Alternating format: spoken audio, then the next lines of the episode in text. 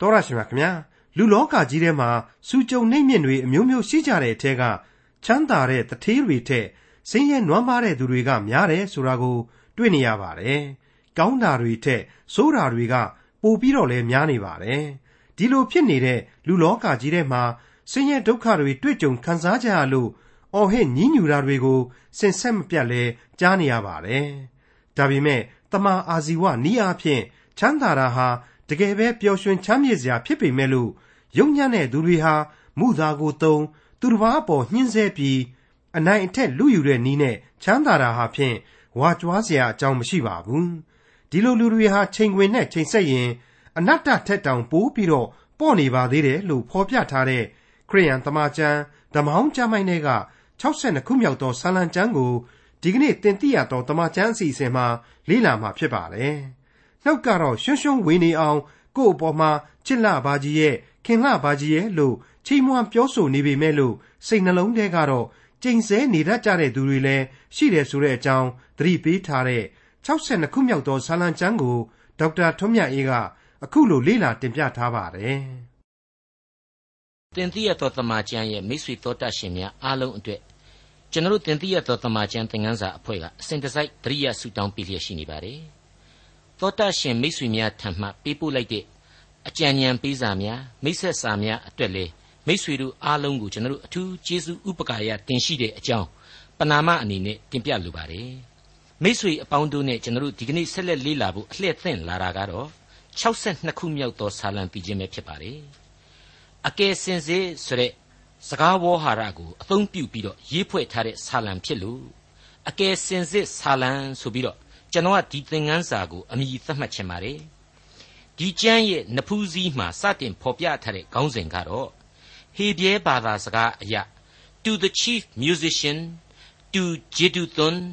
a son of David ဆိုပြီးတော့ဖော်ပြထားတာတွေ့ရပါတယ်စာဆိုတော်ကြီးယာဒုသွန်အတွက်ဒါဝိဒ်ရည်စူးသောဆာလံဆိုတဲ့အတိတ်ပဲပါပဲယာဒုသွန်သို့မဟုတ်ဂျေဒုသွန်ရဲ့နာမည်ကိုအခုလိုပဲတွေ့ရတာဟာ 36ခုမြောက်တုန်းကလည်းပဲတခါတွေ့ကြရပြီးသားဖြစ်ပါတယ်ဒီပုဂ္ဂိုလ်ကြီးဟာဒါဝိဒ်ရဲ့ထိတ်တန်းတေးပြုစာဆိုတဲကတယောက်ဖြစ်လိမ့်မယ်လို့ကျွန်တော်ခံမှန်းနိုင်တဲ့အကြောင်းလေးကျွန်တော်အဲ့ဒီသင်ခန်းစာမှာတုန်းကဖော်ပြခဲ့ပြီးပါပြီမိษွေအပေါင်းတို့ခမညာ62ခုမြောက်သောဆာလံဟာရိုးစင်ရှင်းလင်းတဲ့ဆာလံလေးတစ်ပုဒ်ပါပဲမိဘအပေါ်မှာသားသမီးကကိုးစားယုံကြည်ခြင်းအကြောင်းကိုပဲဖွဲ့ဆိုထားတဲ့ဆာလံဖြစ်တယ်လို့ရေပုံရအားဖြင့်ဆိုနိုင်ပါလိမ့်မယ်သူတေတီကြီး ပီရောနီဆိုတဲ့ပုဂ္ဂိုလ်ကတော့ဒီ62ခုမြောက်သောဆာလံနဲ့ပတ်သက်ပြီးတော့ထဲဝါခြင်းမှသည်မဟာဆန်သည့်တိုင်အောင်ထိမိသောဆာလံသီခြင်းလူသားတို့၏အစ္ဆထစိတ်အစဉ်တွင် အောင်မြင်ခြင်းတရဖူဆောင်းသည့်တိုင်အောင်မြိုင်ဆိုင်လှသောယုံကြည်ခြင်းတရားဤတည်ခြင်းတံစိတ်ဝိညာဉ်ဆိုင်ရာတတ္တိကိုကျူးရင်ဖော်ပြနိုင်သော လင်္ကာစာပေဆိုပြီးတော့ဝေဖန်မှတ်ချက်ချခဲ့ပါတယ်သူ့ရဲ့အခြေခံနောက်ကြောင်းကတော့ စာဆိုတော်ကြီးဒါဝိဒ်ရဲ့အတိတ်ဘဝမှဝမ်းနဲ့ကြေကွဲခြင်းကြီးစွာဖြစ်ခဲ့ရတဲ့အခြေအနေဆိုးကြီးဖြစ်တယ်။သားရင်ခောက်ခောက်ဖြစ်ခဲ့တဲ့အဘရှလုံကသဘုံထနေတဲ့အချိန်မှာဒီတီချင်းကိုဆက်ဆူပေးခဲ့ခြင်းပဲလို့ခံမှန်းကြပါတယ်။ဟုတ်ပါတယ်။ဒါဝိဒ်သည်လဲငိုလျက်ဥကောင်းကိုခြုံလျက်ခြေနှင်းကိုချွတ်လျက်တန်လွင်တောင်ပေါ်သို့တက်လေ၏ဆိုတဲ့အချိန်ပြီးတဲ့နောက်နောက်တော်၌လိုက်သောသူအပေါင်းတို့သည်လေ ဥကောင်းကိုခြုံလျက်ငိုကြွေးလျက်တက်ကြ၏ဆိုတဲ့အချိန်ပဲဖြစ်ပါတယ်ဓမ္မရာဆိုရင်ဒုတိယစာဆောင်အခန်းကြီး15အငယ်30မှာပြန်ကြည့်လိုက်ရင်တွေ့နိုင်တဲ့အချိန်ဖြစ်ပါတယ်ဖြေမစီနိုင်လောက်အောင်ဝန်းနေပွေကောင်းတဲ့အချိန်ယူကျုံမရဖြစ်ဖွယ်ကောင်းလာတဲ့အချိန်ဘာလို့ရဘာကန်ရမှန်းကိုတောင်မသိဘုရားသခင်ရဲ့အဆုံးအဖြတ်ကိုသာခေါင်းငုံနာခံရဖို့ဒါကလွဲပြီးတော့ဘာမှတွေးเสียတောเสียမရှိတဲ့အချိန်ပဲဖြစ်ပါတယ် လူသားတစ်ယောက်ရဲ့စိတ်ဓာတ်ကျစရာအကောင်းဆုံးအချိန်ပဲလို့ကျွန်တော်သတ်မှတ်ပါရစေ။အင်္ဂလိပ်ကဗျာလင်္ကာဆရာကြီး Shakespeare ကဒီအချိန်ကာလမျိုးနဲ့ပတ်သက်ပြီးတော့တင်စားဖော်ပြတဲ့နေရာမှာလူသားရဲ့ဝိညာဏတတ္တိဘလောက်ရှိသလဲဆိုတာကိုစမ်းသပ်စစ်ဆေးတဲ့အချိန်ပဲဖြစ်တယ်လို့သူ့ရဲ့အယူအဆကိုဖော်ကျူးခဲ့ပါတယ်။တစ်ချိန်တည်းမှာကျွန်တော်ဖြည့်ဆွက်စဉ်းစားရမှာကတော့အဲ့ဒီအချိန်ကာလဟာဒါဝိမင်းကြီးတယောက်အတော်အသက်ကြီးရင်နေပြီမို့လို့ စိတ်ရောလူပါချွတ်ချုံကြနေတဲ့အချိန်အခါဖြစ်လိမ့်မယ်။အလွန်ကြဆင်းနေရတဲ့ရုပ်အင်အားတွေကိုစိတ်သက်အင်အားရှိသမျှနဲ့သာကြားကန်ထားရရှာလိမ့်မယ်လို့ကျွန်တော်ဆိုချင်ပါတယ်ဖော်ပြခဲ့တဲ့ဓမ္မရာဇဝင်ဒုတိယစာဆောင်တွေကအဲ့ဒီအချိန်ကာလမှာဒါဝိရင်ဆိုင်ရတာဟာသားတော်မောင်ရဲ့တော်လှန်ပုန်ကန်ခြင်းနဲ့သူ့ကိုပြန်ပြီးတော့တတ်ဖို့ကြိုးစားခြင်းနမ်းလူခြင်းစော်ကားခြင်းတွေအမျိုးမျိုးကြီးပဲမဟုတ်သေးပါဘူးသူ့မိမဘာတရှိဘက်ကနေအမျိုးတော်တဲ့ သူ့ညာလေယုံအမတ်ကြီးတစ်ပါးဖြစ်သူအဟိသောဖေလာဆိုတဲ့ပုဂ္ဂိုလ်ကြီးရဲ့တစ္ဆာဖောက်မှုကိုလည်းသူခံစားခဲ့ရပါတယ်ဒါအပြင်သူတာဝန်ယူစောင့်ရှောက်ပေးခဲ့တဲ့ရှောလူရဲ့မြေယောနသန်ရဲ့သားကလေးမေဖိဘောရှဲဆိုတဲ့မစွန်းမတန်ကလေးကလေဒါဝိမင်းကြီးကိုတစ္ဆာဖောက်ပြီးတော့နမ်းပြန်လူဖို့ကြိုးစားနေပြန်တယ်ဆိုတာကိုမေဖိဘောရှဲရဲ့တပည့်ဇိဘဆိုတဲ့လူကလာပြီးတော့လိန်ညာသတင်းပေးတာတွေ့ကိုကြားနာရပြန်တဲ့အချိန်ပဲဖြစ်ပါလေ စိတ်တီကြောက်ကြရဲ့ဖြစ်အောင်မျိုးမျိုးဖိစီးနှိပ်စက်နေတဲ့အချိန်ပေါ့အဲ့ဒီလိုအဖက်ဖက်ကစိတ်မချမ်းသာစရာတွေဖြစ်နေတဲ့အချိန်မှာပဲဒါဝိဒ်တယောက်ဘလောက်အထိဖုံးနှိမ်သွားရတယ်ဘဝအစဉ်အတန်လျော့ကျသွားရတယ်ဆိုတာတွေကိုကျွန်တော်ရှင်းမပြခြင်းတော့ပါဘူးဓမ္မရာဇဝင်ဒုတိယစာဆောင်အခန်းကြီး16အငယ်9ကစပြီးတော့ဖော်ပြလာတဲ့ဖြစ်ရတွေးနဲ့သာရှင်ကြည့်ကြပါတော့လို့ကျွန်တော်ဆိုချင်ပါတယ်ဓမ္မရာဇဝင်ဒုတိယစာဆောင်အခန်းကြီး16အငယ်9မှ14အထိ ဒါဝိမင်းကြီးသည်ဘာဟုရိမ်မြို့သို့ရောက်သောအခါရှောလူ၏အဆွေအမျိုးဂေရသာရှိမိအမည်ရှိသောသူသည်ကျိန်ဆဲလျက်ထွက်လာ၏ဒါဝိမင်းကြီးနှင့်ကျွန်တော်မျိုးအပေါင်းတို့ကိုကြောက်ခဲနှင့်ပြစ်လေ၏လူများအပေါင်းနှင့်မူးတော်မတ်တော်အပေါင်းတို့သည်လက်ရတော်ဘက်လက်ဝဲတော်ဘက်၌ရှိကြ၏ရှိမိကျိန်ဆဲသောစကားဟူမူကားတွားဟဲ့တွားဟဲ့လူအသက်ကိုတတ်သောအတ္တမလူရှောလူ၏နိုင်ငံကိုလူယူ၍ သူ၏အဆွေအမျိုးကိုတတ်သောအပြစ်အလုံးစုံကိုသင်ခေါင်းပေါ်မှထာဝရဘုရားတက်ရောက်စေ၍နိုင်ငံတော်ကိုသင်၏သားအဘရှလုံလက်၌အပ်တော်မူပြီသင်သည်လူအသက်ကိုတတ်သောသူဖြစ်သောကြောင့်ကြည်ပါအမှုကြီးရောက်လေပြီဟုဆို၏ဇေရုရာသအဘိရှဲကလည်းထိုခွေးသေးကောင်ကိုအရှင်မင်းကြီးကိုကျိန်ဆဲရမည်လောကျွန်တော်သွား၍သူ၏လေပင်ကိုဖြတ်ပြရစီဟုနားတော်လျှောက်ဖြင့်ရှင်ဘရင်ကအိုးဇေရုရာသားတို့ သင်တို့သည်ငါနှင့်အဘယ်သို့ဆိုင်သနည်းထိုသူသည်ကျိန်ဆဲပါလိစီဒါဝိဒ်ကိုကျိန်ဆဲလောဟုထာဝရဘုရားမှားထားတော်မူပြီတို့ဖြစ်၍သင်သည်အဘယ်ကြောင့်ဤသို့ပြုသနည်းဟုအဘယ်သူဆိုရမည်နည်းဟု၍၎င်းကြည်ပါငါကိုယ်တည်းကထွက်သောငါသားရင်းသည်ငါအသက်ကိုရှာ၏ထိုဗိယမိန်အမျိုးသားသည်ထိုမျှမကအခွင့်ရှိလိမ့်မည်သူ့ကိုရှိပါလေစေကျိန်ဆဲပါလေစေထာဝရဘုရားမှားထားတော်မူပြီး ထာဝရဘုရားသည်ငါငါဤဒုက္ခကိုကြည့်ရှု၍ယနေ့ထိုသူကျိန်ဆဲသည့်အတွက်ကောင်းသောအကျိုးကိုပြန်ပေးကောင်းပေးတော်မူလိမ့်မည်ဟု၍၎င်းအဘိရှဲနှင့်ကျွန်တော်မျိုးအပေါင်းတို့အားမိန့်တော်မူ၏ဒါဝိဒ်သည်နောက်တော်လိုက်သူတို့နှင့်တကွလမ်း၌သွားစဉ်တွင် ရှိမိသည်ဒါဝိဒ်တစ်ဖက်တစ်ချက်တောင်ကပန်းနားမှရှောက်သွားသဖြင့်ကျိန်ဆဲလျက်ကြောက်ခဲနှင့်ပြည့်၍မြေမှုန့်ကိုလည်းပက်လေ၏ရှင်ဘရင်မှစ၍နောက်တော်သို့လိုက်သောသူအပေါင်းတို့သည်မောလျက် ဘာဟုရိမ်မြို့သို့ရောက်၍အမောအပန့်ဖြေကြ၏တနာเสียမကောင်းဘူးလားအဲ့ဒီလောက်အထိလောကရန်အခြေအနေဇိုးကြီးတွေကြားထဲမှာရောက်ရှိနေတဲ့စာဆိုတော်ကြီးဒါဝိဒ်အနေနဲ့လူကသာမျက်ရည်တွေတွေ့တွေ့ကြရတယ်မောပန့်နေရတယ်အသေးတခိုက်ခိုက်ခံစားနေရတယ်ဆိုပါလားခေါင်းမထောင်နိုင်လောက်အောင်ဖြစ်ခဲ့ရပြီအသံမာမာတောင်မှပြန်ပြီးမထွက်နိုင်လောက်အောင်ဖြစ်နေရပြီဆိုတာဒီကြမ်းအရာရှင်းနေတယ်ဟာလေလုယာဆိုတဲ့ကျေးဇူးတော်ချီးမွမ်းခြင်းအသံကို ဒါဝိဒ်ဟာဒီ62ခုမြောက်သောဆာလံနဲ့ဘာကြီးပဲပြောပြောကြွေးကြော်နိုင်ခဲ့ပါတယ်ဒါဟာအရေးတကြီးမှတ်တမ်းတင်ရမယ့်အချက်ပါပဲဒီတော့ဏိဒန်းပြိုးနေတာနဲ့ပဲအချိန်မကုန်ရအောင်လို့62ခုမြောက်သောဆာလံရဲ့ဝိညာဏဂုံကျေးဇူးတွေကိုစတင်ရှာဖွေကြည့်ကြပါစို့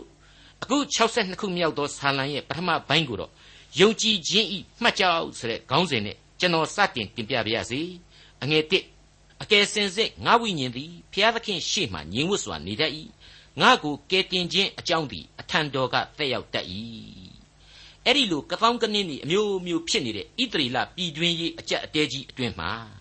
ဒါဝိဒ်မင်းကြီးကိုတစ္ဆာဖောက်တဲ့လူတွေကြောင့်ဒါဝိဒ်စိတ်ညစ်နေရသလိုစိတ်ဆင်းရဲနေရသလိုသူ့ကိုနဘေးကနေပြီးတော့အားပေးနေတဲ့လူတွေကြောင့်လေဒါဝိဒ်အားတက်နိုင်သလားဆိုရင်အားအရှင်းမတက်နိုင်ခဲ့ပါဘူး အရှင်မင်းကြီးအရှင်မင်းကြီးဘုရားသခင်ကအရှင်မင်းကြီးကိုပိတ်သိမ့်ပေးထားလို့အရှင်မင်းကြီးဘာဆိုဘာမှဖြစ်မှာမဟုတ်ဘူးဘုရားသခင်ကဒင်းတို့ကိုရေးရေးလဲလဲရှင်းပြစ်လိုက်မယ်ခမရှင်းပြစ်လိုက်မယ်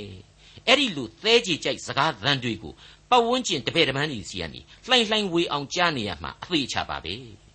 ဒီလူတွေကိုအခုလိုအားပေးတာဟာမကောင်းဘူးလားဆိုရင်တော့ကောင်းတဲ့လောက်ကောင်းတယ်မမှန်ဘူးလားလို့ဆိုရင်လေမှန်တဲ့လောက်မှန်တယ်လို့ကျွန်တော်ဆိုချင်ပါလေဒါပေမဲ့ ဒါဝိမင်းကြီးဟာဒီသဘောမျိုးမတွေ့ဘူးမထဘူးငါဟာအပြစ်ရှိခဲ့တဲ့လူတစ်ယောက်မိုက်မှားခြင်းကြီးစွာမိုက်မှားခဲ့ဘူးတဲ့လူတစ်ယောက်အဲ့ဒီအခြေခံနှိမ့်ချခြင်းစိတ်ဓာတ်တို့ဟာဒါဝိရင်ထဲမှာခိုးအောင်နေတယ်ကျိုးပဲ့ကြေမွသောနှလုံးသားခံစားချက်များဟာအစဉ်တစိုက်လွှမ်းမိုးနေတယ်လို့ကျွန်တော်ဆိုချင်ပါတယ်ဒါကြောင့်မို့လို့အကယ်စင်စစ်သို့မဟုတ်တကယ်တမ်းသစ္စာစကားကိုပြောရမယ်ဆိုရင်တော့ငါဟာဘုရားသခင်ရှေ့မှာငြိမ်းချမ်းစွာပဲရှိနေတယ် ငါအဖို့သူ့ရဲ့အလိုတော်ကိုသာငါမျှော်လင့်ရမယ်သူကဲတင်မှသာငါလွတ်မြောက်ရမယ်ဖြစ်တယ်ဆိုပြီးတော့ပြောလိုက်ခြင်းပဲဖြစ်ပါတယ်မိတ်ဆွေအပေါင်းတို့ခမညာပြီးခဲ့တဲ့ဆာလံကိုပြန်ပြီးတော့နားထောင်ကြည့်ပါ62ခုမြောက်သောဆာလံအငယ်1အကယ်စင်စစ်ငါဝိညာဉ်သည်ဘုရားသခင်ရှေ့မှငြိမ်ဝတ်စွာနေတတ်၏ငါကိုကဲတင်ခြင်းအကြောင်းသည်အထံတော်ကတက်ရောက်တတ်၏တဲ့ဘလောက်ဝိညာဉ်ခွန်အားပြည့်ဝပွဲကောင်းတဲ့ကြမ်းဖော်ပြချက်လေ အခု62ခုမြောက်သောဆာလံအငယ်1မှ4ကိုဆက်လက်နားဆင်ကြည့်ကြပါအကယ်စင်စစ်ဘုရားသခင်သည်ငါဤကြောက်ငါကိုကဲတင်ခြင်းအကြောင်းငါခိုလှုံရာဖြစ်တော်မူ၍ငါ၌လှုပ်ရှားခြင်းများစွာမရှိရသင်တို့သည်အဘယ်မျှကာလပတ်လုံးတယောက်သောသူကိုတိုက်ကြမည်နီသူကိုတိမ့်သောအုပ်ယိုလှုပ်သောထယံကဲ့သို့မှတ်၍သင်တို့အပေါင်းသည်အဘယ်မျှကာလပတ်လုံးဖြိုဖျက်ကြမည်နီထိုသူကိုမြင်သောအရက်ကလှဲခြင်းငှာကြံစီလျက်နေကြ၏ မှုသာကိုနှစ်သက်ကြ၏နှုတ်ဖြင့်ကကောင်းကြီးကိုပေးလျက်နှလုံး၌ကကျိန်ဆဲခြင်းကိုပြုတတ်ကြ၏ကျွန်တော်စောစောတုန်းကပြောခဲ့တဲ့အတိုင်းပဲအများသူငါလူတကာမြင်တဲ့အမြင်ထင်တဲ့အထင်မျိုးအတိုင်းဒါဝိဒ်မင်းကြီးဟာမမြင်ခဲ့မထင်ခဲ့ရှာပါဘူးသူဟာယေရုရှလင်လို့ခေါ်တဲ့သူအင်မတန်ချစ်မြတ်နိုးတဲ့မြို့တော်ကြီးကိုစွန့်ခွာလာတော့ယေဘရဟိတ်မင်းဇာဒုတ်အဗျာသာစတဲ့ပုဂ္ဂိုလ်ကြီးတွေပါဝင်လာပြီးတဲ့နောက်ဘုရားသခင်ကိုဝတ်ပြုရမှာအရေးအကြီးဆုံးဖြစ်တဲ့ တန်ရှင်းရတဲတော်ကဗြိညင်တစ်တာတော်ကြီးကိုပါအဲ့ဒီပုဂ္ဂိုလ်တွေဟာတခါတည်းထမ်းပြီးထုတ်လာခဲ့ကြပါတယ်အဲ့ဒီတစ်တာတော်ကြီးဆိုတာဟာအဲ့ဒီအချိန်ကာလရဲ့အမြင်မှာတော့မဟာအဆောင်ကြီးပဲတကိုးကြီးလာတဲ့အဆောင်အလျှောက်ကြီးပဲဒါပေမဲ့အဲ့ဒီလိုဘုရားသခင်ကိုကိုယ်အလိုရှိတဲ့အတိုင်းဆွဲယူတာမျိုးလုပ်လို့မရဘူးဆိုတာကိုဒါဝိမင်းကြီးရဲ့စိတ်ဓာတ်ဟာကောင်းကောင်းနားလေတယ်သိလဲသိတယ် ဒါကြောင့်မလို့ဒီအလုပ်မျိုးကိုလေရှောင်လဲရှောင်ကျင်ခဲ့တယ်ဆိုတာကိုအခုလိုပြန်ပြီးတွေ့နိုင်ပါသေးတယ်ဓမ္မရာဇဝင်ဒုတိယစာဆောင်အခန်းကြီး15အငယ်24မှ29အတွင်ကိုပြန်လည်ဖတ်ရှုကြည့်ကြပါစို့ဇာဒုတ်နှင့်လေဝိလူအပေါင်းတို့သည်လေဖျားသခင်ဗြိညင်တစ်တာတော်ကိုထမ်းလျက်ရောက်လာ၍တစ်တာတော်ကိုချထားကြ၏လူအပေါင်းတို့သည်မြို့ထဲကထွက်၍မကုန်မီတိုင်အောင်အပြာသာသည်ရစ်ပူဇော်လျက်နေ၏ ရှင်ဘရင်သည်ဇာရုတ်ကိုခေါ်၍ဖျားသခင်၏တစ်တာတော်ကိုမြို့ထဲသို့ပြန်ပို့လော့ထာဝရဘုရားသည်ငါ့ကိုစိတ်တော်နှင့်တွေ့လျင်ငါ့ကိုပို့ပြန်၍တစ်တာတော်ကို၎င်းကျင်းဝတ်တော်မူရာအရက်ကို၎င်းပြတော်မူမည်သို့မဟုတ်သင်ကိုငါအလိုမရှိဟုငါအာမိန်တော်မူလျင်ငါရှိပါ၏အလိုတော်ရှိသည့်အတိုင်းပြုတော်မူစေတည်းဟု၍၎င်းယေပရောဟိတ်ဇာဒုတ်အားလည်းသင်သည်ပရောဖက်ဖြစ်သည်မဟုတ်လော သင်၏သားအဟိမတ်နှင့်အဗျာသာ၏သားယောနသန်ထိုသားနှစ်ယောက်တို့ကိုခေါ်၍မြို့သို့ငြိမ်ဝတ်စွာပြန်သွားကြလော့သင်တို့ကြားလျှောက်စေသောစကားမရောက်မီငါသည်တောလွင်ပြင်၌ဆိုင်းလင့်၍နေမည်ဟုမိန့်တော်မူသည့်အတိုင်းဇာဒုတ်နှင့်အဗျာသာတို့သည်ဘုရားသခင်၏သစ္တာတော်ကိုယေရုရှလင်မြို့သို့ပြန်ပို့၍ထိုမြို့၌နေကြ၏တဲ့ကဲကြားခဲ့ကြရတဲ့အတိုင်းပဲဘုရားသခင်ရဲ့ဗြိညင်သစ္တာတော်ကို ဘဝအဖြစ်အပျက်တွေ့တဲ့ကိုဆွဲမသွင်းပါနဲ့အလိုတော်အတိုင်းသာအတီးဖြစ်ပါစေဘုရားသခင်ဘာပဲဆုံးဖြတ်ဆုံးဖြတ်ဆုံးဖြတ်ပါစေငါခံမိတယ်ဟုတ်ပါတယ်ဘုရားသခင်ရဲ့အဆုံးအဖြတ်သားလျင်အကောင်းဆုံးဖြစ်တယ်ဆိုပြီးတော့အသက်တာကိုဝါကွက်အနှံခြင်းဟာဝိညာဉ်ရေးတတ္တိပဲဖြစ်ပါတယ်အဲ့ဒီလိုတတ္တိဒူးကြောင့်လေဘုရားသခင်အဖို့ဒါဝိဒ်ဟာအစဉ်တစိုက်ဘုရားသခင်ရဲ့အလိုတော်ကိုလိုက်လျှောက်ခဲ့တယ်ကိုးကွယ်ဝတ်ပြုခဲ့တယ်သူ့အဖို့ ဖျားသခင်ဟာလည်းကြောက်တောင်ကြီးလို့ခိုးလှုံရသခင်ဖြစ်ခဲ့တယ်။ငါအတွက်တခုတည်းသောကယ်တင်ခြင်းအတွက်မျှော်လင့်စရာဟာဖျားသခင်စီမှာသာရှိတယ်။လောကရန်မုန်တိုင်းအောက်မှာဟိုရင်းဒီရိုင်ဖြစ်သည့်တိုင်အောင်ရွေ့လျော့လို့တော့မသွားနိုင်ဘူးဆိုပြီးတော့ဒါဝိမင်းကြီးဆိုဖွဲ့ဖော်ပြလိုက်ခြင်းပါပဲ။အငယ်3နဲ့4မှာဖော်ပြထားတဲ့အချက်ဟာစိတ်ဝင်စားဖို့ကောင်းလာပါတယ်။သင်တို့သည်အဘယ်မျှကာလပတ်လုံးတယောက်သောသူကိုတိုက်ကြမည်နည်း။ သူကိုတိမ်သောအုပ်ယိုလှုပ်သောထယံကဲ့သို့မှတ်၍သင်တို့အပေါင်းသည်အဘယ်မျှကာလပတ်လုံးဖြိုဖျက်ကြမည်နီထိုသူကိုမြင်သောအရက်ကလှဲခြင်းဟာကြံစီလျက်နေကြ၏မှုသာကိုနှစ်သက်ကြ၏နှုတ်ဖြင့်ကကောင်းကြီးပေးလျက်နှလုံး၌ကကျိန်ဆဲခြင်းကိုပြုတတ်ကြ၏တဲ့အဲ့ဒါတွေဟာအဲ့ဒီအချိန်မှာအဟိသောဖေလာဇိဘရှိမိဆိုတဲ့တစ္ဆာပေါက်တွေသူ့ကိုအဆင်းမှဘိမ့်တက်ပေးနေတဲ့လူတွေနောက်ကျောကိုဓာတ်နဲ့ထိုးနေတဲ့လူတွေကို ဒါဝိဒ်ရည်စူးဖွဲ့ဆိုလိုက်ခြင်းပဲဖြစ်တယ်လို့ကျွန်တော်အတိတ်ပဲပြန်ပြရစီအဲ့ဒီအထက်ကရှိမိဆိုတဲ့ရှောလူအမျိုးအနွယ်ဖြစ်တဲ့ဗိယမိန်အမျိုးသားဟာဒါဝိဒ်ကိုတလန်းလုံးလိုက်ပြီးကျိန်ဆဲခဲ့တာသဲတွေနဲ့ပက်ပြီးတော့ခဲနဲ့လိုက်ထုခဲ့တာတွေကိုကျွန်တော်တို့စောစောပိုင်းကကြားနာခဲ့ကြပြီးပါပြီအဲ့ဒီအချိန်မှာရှိမိကိုဒါဝိဒ်ရဲ့လူတွေကသတ်ပစ်မယ်လုပ်ပြီးမယ်ဒါဝိဒ်မသတ်ခဲ့ပါဘူးသူ့ကိုအဲ့ဒီလိုလိုက်ပြီးကျိန်ဆဲတာကိုက ဖျားသခင်ကိုယ်တိုင်ကျိန်ဆဲစေတာပဲဆိုပြီးတော့သူခေါင်းငုံခံခဲ့ရှာပါသေးတယ်ဒါဟာစောင်းကကျွန်တော်ပြောခဲ့တဲ့ဝိညာဉ်ရေးတတိဖျားသခင်အလိုတော်ကိုသာပုံ၍အပ်တဲ့အထိယုံကြည်ခြင်းရဲ့မှတ်ကြောက်ကိုဒါဝိဒ်ရေးထိုးခဲ့ခြင်းပဲဖြစ်တယ်လို့ကျွန်တော်တင်ပြလိုက်ပါတယ်မိတ်ဆွေတော်တတ်ရှင်အပေါင်းတို့ခမညာအခုအချိန်မှာတော့62ခုမြောက်သောဆာလံကိုဒုတိယပိုင်းအဖြစ်ခွဲခြားပြီးတော့ယုံကြည်ခြင်းဤအချိန်ကာလဆိုတဲ့ခေါင်းစဉ်နဲ့ကျွန်တော်ဆက်လက်တင်ပြလိုပါတယ် ယုံကြည်ခြင်းဤအချိန်ကာလဆိုတာဟာနေသာတဲ့နတ်နဲ့ခင်းတလျှောက်ကိုပဲဆိုလိုတာလားပန်းခင်းသောလမ်းကလေးပေါ်မှာရှောက်ရတဲ့အချိန်ကိုပဲဆိုလိုခြင်းလားညင်းညံ့တဲ့လေပြေလေညင်းကလေးတိုက်နေတဲ့အချိန်မှာအဲ့ဒီလေပြေလေညင်းကလေးကိုရှူရှိုက်ပြီးတော့လမ်းလျှောက်သွားနေရတာပဲလားဆိုတာဒီကိုကျွန်တော်တို့စဉ်းစားဖို့လိုပါတယ်မိုးသက်မုန်တိုင်းတွေတိုက်ခတ်တဲ့ဘဝအမှောင်ကျခြင်းဟာကိုယုံကြည်ခြင်းအချိန်ကာလမဟုတ်နိုင်တော့ဘူးလားဆိုတဲ့အချက်တွေးကို အခုဆာလံတီချင်းဟာဆက်လက်ဖော်ပြသွားပါလိမ့်မယ်62ခုမြောက်သောဆာလံအငယ်9မှ8အကယ်စင်စစ်ငါဝိညာဉ်သည်ဖျားသခင်ရှေ့မှငြိမ်ဝတ်စွာနေတတ်၏ငါမျှော်လင့်ခြင်းအကြောင်းသည်အထံတော်ကသက်ရောက်ရ၏အကယ်စင်စစ်ဘုရားသခင်သည်ငါ၏ကြောက်ငါကိုကယ်တင်ခြင်းအကြောင်းငါခိုလှုံရာဖြစ်တော်မူ၍ငါသည်လှုပ်ရှားခြင်းမရှိရာငါကိုကယ်တင်ခြင်းအကြောင်းငါ၏ဘုံပွင့်ခြင်းအကြောင်းကဘုရားသခင်ပေသည်ငါကိုအားပေးသောကြောင့် ငါခိုလှုံရာကဘုရားသခင်ပေသည်အိုးလူများတို့ဘုရားသခင်၌အစင်မပြတ်ခိုလှုံကြလော့ရှေ့တော်၌စိတ်နှလုံးကိုဖွင့်ပြကြလော့ဖျားသခင်သည်ငါတို့ခိုလှုံရာဖြစ်တော်မူ၏ပထမအခန်းကန္တာနဲ့ရေးဖွဲ့တာဟာဆင်တူပါတယ်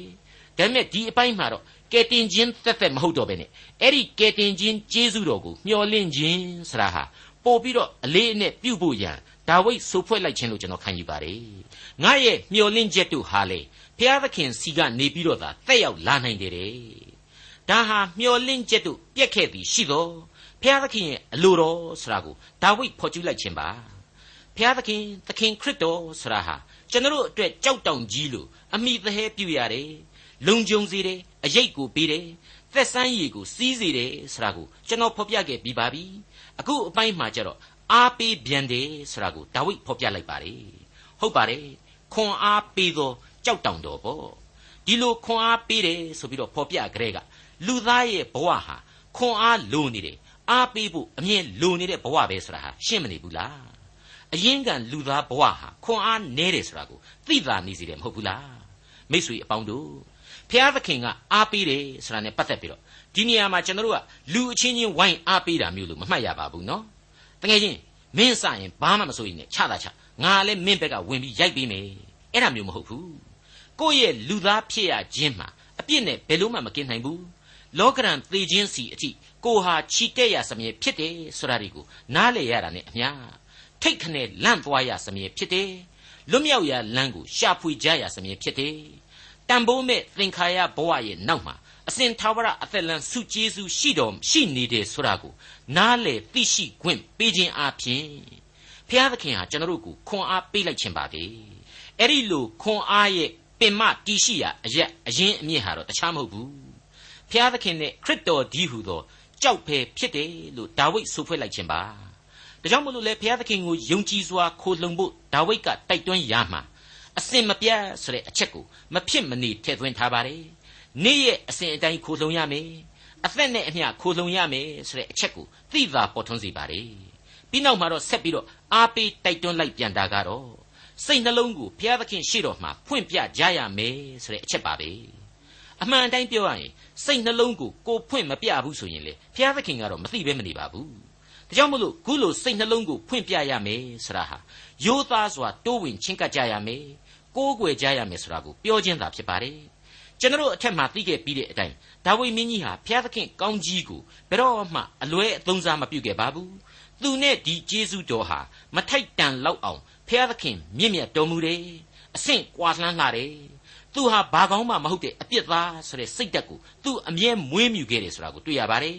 ဒီအချက်တွေကိုမိษွေတို့ကျွန်တော်တို့အနေနဲ့စိစက်စွာလေးလာစဉ်းစားသင့်လှတဲ့အကြောင်းကျွန်တော်တိုက်တွန်းလိုက်ပါရစေအခုအချိန်မှာတော့ဒီဆာလံတီချင်းရဲ့နောက်ဆုံးနဲ့တတိယပိုင်းအဖြစ်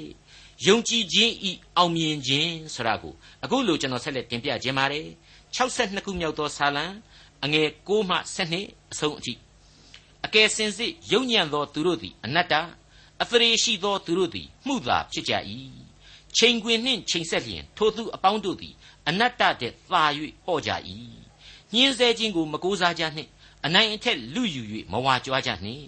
ဥစ္စာများပြားလျင်စိတ်ဆွဲလန်းခြင်းမရှိကြနှင့်ဖျားသခင်သည်တစ်ကြိမ်ဗျာဒိတ်ပေးတော်မူပြီးနှစ်ကြိမ်မြောက်ငါကြားရသောဗျာဒိတ်တော်ဟုမူကားတကိုးသည်ဖျားသခင်၌ရှိ၏ အိုးထာဝရဖျားကိုတော်သည်ဂယုဏနှင့်ပြည့်စုံတော်မူ၏ကိုတော်သည်လူအသီးအသီးတို့အားသူတို့အကျင့်နှင့်အလျောက်အကျိုးအပြစ်ကိုဆက်ပေးတော်မူ၏ဒါဝိမင်းကြီးရဲ့အဲ့ဒီအချိန်ကာလအခြေအနေမှာရှိမိဇောဘာစတဲ့ပုံကိုယ်တွေလိုအညံ့စားလူသားတွေကတစ်ဖက်ကဝိုင်းရံနေတာကိုထိတွေ့ခန်းစားနေရသလိုအဟိသောဖေလလိုမင်းတိုင်ပင်အမတ်ကြီးလိုပုံကိုမျိုးကြီးကအစသစ္စာဖောက်နေတာတွေနဲ့ရင်ဆိုင်နေရတယ်ဆိုတာကိုတွေ့ရမှာဖြစ်ပါတယ် ဒါကြောင့်မို့လို့လေယုံညံ့သောသူတို့ဟာအနတ္တသာဖြစ်တယ်အသရေရှိသောသူတို့ဟာမှုသာဝါဒီတွေဖြစ်တယ်လို့သူ့ရင်တွင်းခံစားချက်များပြင်းပြစွာနဲ့ဒီဆာလံတီချင်းကိုဆိုးဖွဲ့လိုက်တာပဲဖြစ်ပါတယ်ချိန်ခွင်နဲ့ချိန်ဆက်လိုက်မယ်ဆိုရင်အနတ္တတရားသို့မဟုတ်တန်ဖိုးမရှိခြင်းဆိုတာတဲ့တောင်မှပို့ပြီးတော့တန်ဖိုးမရှိဘူးဖွဲ့ပဲဖွတ်ပဲဆိုပြီးတော့လူဘိန်းပြောပြောနိုင်လိမ့်မယ်လို့ကျွန်တော်ဆိုချင်ပါတယ်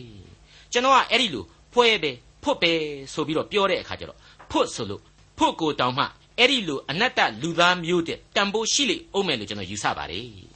ဘာဖြစ်လို့လဲဆိုတော့ယောမဩဝါဒစာမှာတမန်တော်ကြီးကနေပြီးတော့အစားအသောက်လွတ်လပ်ခွင့်ဥပုပ်နေ့ရဲ့ခံယူချက်တွေနဲ့ပတ်သက်ပြီးတော့လွတ်လပ်ခွင့်တွေပေးထားတော့ကျွန်တော်ဆိုရင်ဘာမှမချမ်းဘူးအကုန်လုံးစားဘူးလေ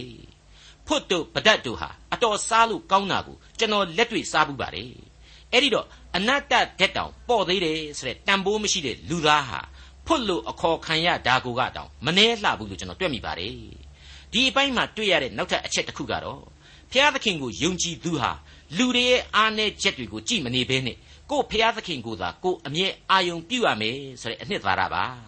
ဒါကြောင့်လဲဒါဝိမင်းကြီးဖော်ပြလိုက်တာကတော့နှစ်ကြိမ်မြောက်ငါကြားရသောဗျာဒိတ်တော်ကတော့တကိုးတော်ဆရာဟာဖျားသခင်စီမှာပဲရှိတယ်ဆိုတဲ့သစ္စာတရားပါပဲမှန်လိုက်လေခြင်းလို့ကျွန်တော်ဆိုချင်ပါတယ် ဒီတကိုးတော်အကြောင်းကိုပဲအဆက်ဆက်သောဆာလံတို့ဟာဖော်ပြခဲ့ပြီးပါပြီဆက်လက်ပြီးတော့လည်းဖော်ပြသွားအောင်မှာဖြစ်ပါတယ်ဒီတကိုးတော်အားဖြင့်ဖန်ဆင်းခြင်းရှိလာရတယ်ဖန်ဆင်းကံစัจ java လာအနန္တနဲ့လောကလူသားတို့ဖြစ်ပေါ်လာရတယ်သက်ရှိသက်မဲ့လောကကြီးတိဆောက်လာရတယ်ဘုရားသခင်မနှစ်ချိုက်တဲ့စာရမဏေရဲ့အပြစ်သွေးဆောင်ရာလမ်းကြောင်းဆိုတာဟာလေတူပြိုင်ပေါ်ထွန်းလာရတယ် အဲ့ဒီမှာတင်ဒီတကိုးတော်ကြောင့်ပဲကဲတင်ချင်းကျေးဇူးတော်ဆရာဟာလေစင်ကဲထက်မှန်ပေါ်ထွက်ပေးလာပြန်ပါတယ်ဖန်ဆင်းကံလူတ attva တို့ကိုအားပေးဖို့လိုအပ်လာပါတယ်ဒီအချိန်မှာမျော်လင့်ချက်ရောင်ချီဟာလေကျေးဇူးတော်ကြောင့်တန်းလာရပါတယ်အိုးထာဝရဘုရားကိုတော်သည်ဂယုဏတော်နှင့်ပြည့်စုံတော်မူ၏တဲ့ဟုတ်ပါတယ်တကိုးတော်ရှိလို့သာကဲတင်ချင်းပြုနိုင်ပါတယ်ဂယုဏတော်နဲ့ဒီလောကနဲ့ဒီလူသားကိုသူစောင့်ရှောက်နိုင်ပါတယ်သူ့မှာတကိုးတော်မရှိရင် ကျွန်တော်တို့အဖို့ကိုးကွယ်ဝတ်ပြုနေစရာအကြောင်းဘာမှမရှိနိုင်ပါဘူးကိုးကွယ်လို့လဲဘာမှထူးလိမ့်မယ်မထင်ပါဘူးဒီကဲတင်ချင်းကျေးဇူးကြောင့်သာလျှင်အဘအဖလို့ခေါ်ဝေါ်ကိုးကွယ်နေရခြင်းဖြစ်ပါတယ်ယုံကြည်ခြင်းတရားကိုစောင့်ရှောက်နေရခြင်းပဲဖြစ်ပါတယ်တစ်ချိန်တည်းမှာကိုတော်သည်လူအသီးအသီးတို့အားသူတို့အကျင့်နှင့်အလျောက်အကျိုးအပြစ်ကိုဆက်ပေးတော်မူ၏တဲ့ကဲတင်ချင်းကျေးဇူးတော်ကိုလက်ခံရင်အပြစ်လူသားဟာအပြစ်ကနေလွတ်မြောက်ခွင့် ကောင်းကင်နိုင်ငံတော်အမွေကိုခံယူနိုင်ခွင့်ထာဝရအသက်ရှင်ခွင့်ဆိုတာတွေကိုရှိလိမ့်မယ်ဆိုတာကိုကျွန်တော်သိခဲ့ရပြီဖြစ်ပါတယ်ကျေးဇူးတော်တွေဟာဝိုင်းဝိုင်းလဲနေပါတယ်အဲ့ဒီလိုပါပဲလူသားတိုင်းအဖို့တရားစီရင်ခြင်းဆိုတာဟာရှိနေစေဖြစ်ပါတယ်နောင်ကပ်ကာလမှာလဲမုတ်ချမသွေကယ်တင်ရှင်သခင်ခရစ်တော်ဟာကြွဆင်းလာပြီးတော့တရားစီရင်ခြင်းပြုအောင်မှအသေးချာပဲဖြစ်ပါတယ်ဒါကြောင့်မလို့မတရားသောသူတို့ဤစာရမဏတ်သွေးဆောင်သောလမ်းကိုလိုက်ကြမလား ခရစ်တော်ဥဆောင်တဲ့မင်္ဂလာရှိသောသူတို့ဤဘဝလမ်းကိုလိုက်ကြမလားဒီမေခွန်းတွေဟာဆာလံတီချင်းတွေအားဖြင့်ကျွန်တော်စိတ်အစဉ်မှာပေါ်ပေါက်နေကြရပါတယ်အနုလုံပရိလုံစင်ကျင်သုံးသပ်ဖို့ရန်တည်ရှိလျက်နေကြရပါတယ်အကယ်စင်စေငါဝိညာဉ်သည်ဘုရားသခင်ရှေ့မှငြိမ်ဝတ်စွာနေတတ်၏ငါမျှော်လင့်ခြင်းအကြောင်းသည်အထံတော်ကသက်ရောက်ရ၏အကယ်စင်စစ်ဘုရားသခင်သည်ငါ၏ကြောက်ငါကိုကယ်တင်ခြင်းအကြောင်းငါခိုလှုံရာဖြစ်တော်မူ၍ ငါသည်လှုပ်ရှားခြင်းမရှိရာငါကိုကယ်တင်ခြင်းအကြောင်းငါဤဘုံပွင့်ခြင်းအကြောင်းကဘုရားသခင်ပေသည်ငါကိုအားပေးသောကြောင့်ငါခိုလှုံရာကဘုရားသခင်ပေသည်အိုလူများတို့ဘုရားသခင်၌အစင်မပြတ်ခိုလှုံကြလော့ရှေ့တော်၌စိတ်နှလုံးကိုဖွင့်ပြကြလော့ဘုရားသခင်သည်ငါတို့ခိုလှုံရာဖြစ်တော်မူ၏ဒေါက်တာထွန်းမြတ်ရေးစီစဉ်တင်ဆက်တဲ့တင်ပြတော်တမချန်းအစီအစဉ်ဖြစ်ပါတယ်နောက်တစ်ချိန်အစီအစဉ်မှာ ခရိယန်တမချန်းဓမ္မဟောင်းကျမ်းပိုင်းမှာပါရှိတဲ့63ခု64ခု65ခုနဲ့66ခုမြောက်သောစာလံကျမ်းတွေကိုလေ့လာမှဖြစ်တဲ့အတွက်စောင့်မျှော်နားဆင်နိုင်ပါတယ်။